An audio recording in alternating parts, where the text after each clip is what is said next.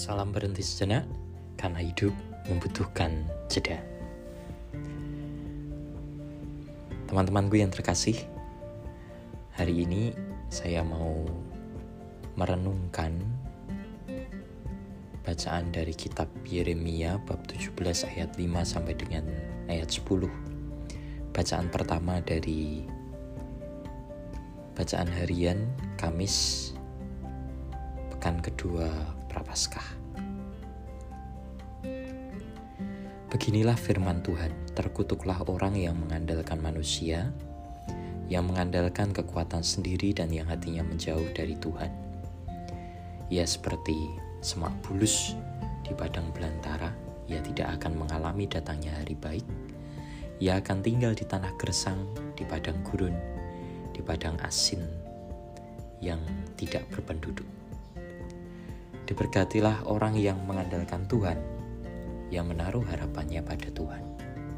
Ya seperti pohon yang ditanam di tepi air, yang merambatkan akar-akarnya ke tepi batang air dan tidak mengalami datangnya panas terik. Ya seperti pohon yang daunnya tetap hijau, yang tidak khawatir dalam tahun kering, dan yang tidak berhenti menghasilkan buah. Betapa liciknya hati menguji batin Betapa liciknya hati, lebih licik daripada segala sesuatu. Hati yang sudah membatu, siapakah yang dapat mengetahuinya? Aku, Tuhan, yang menyelidiki hati dan menguji batin untuk memberi balasan kepada setiap orang setimpal dengan hasil perbuatannya. Demikianlah sabda Tuhan. Syukur kepada Allah. Diberkatilah orang yang mengandalkan Tuhan yang menaruh harapannya pada Tuhan. Beberapa waktu lalu ada obrolan ringan di antara kami para romo. Pernah suatu saat ada seorang teman romo bertanya pada teman romo yang lain. Kok kamu sekarang kalau rapat-rapat banyak diam sih? Gak ada ide-ide yang muncul, tumben. Teman yang disapa ini hanya tertawa kejut.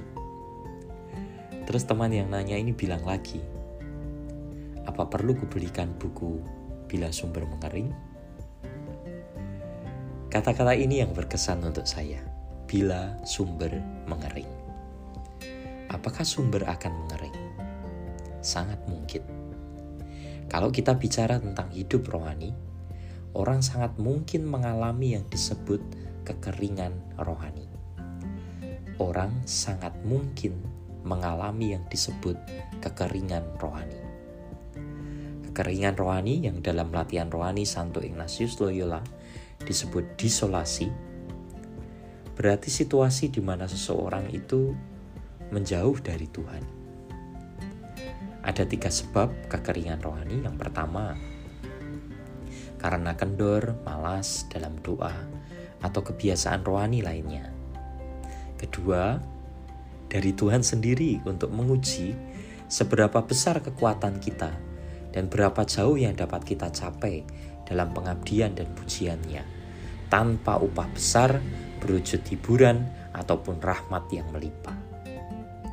Ketiga, untuk memberi kita pengetahuan serta pengertian yang benar, supaya kita merasa dalam-dalam bahwa bukanlah tergantung dari kita.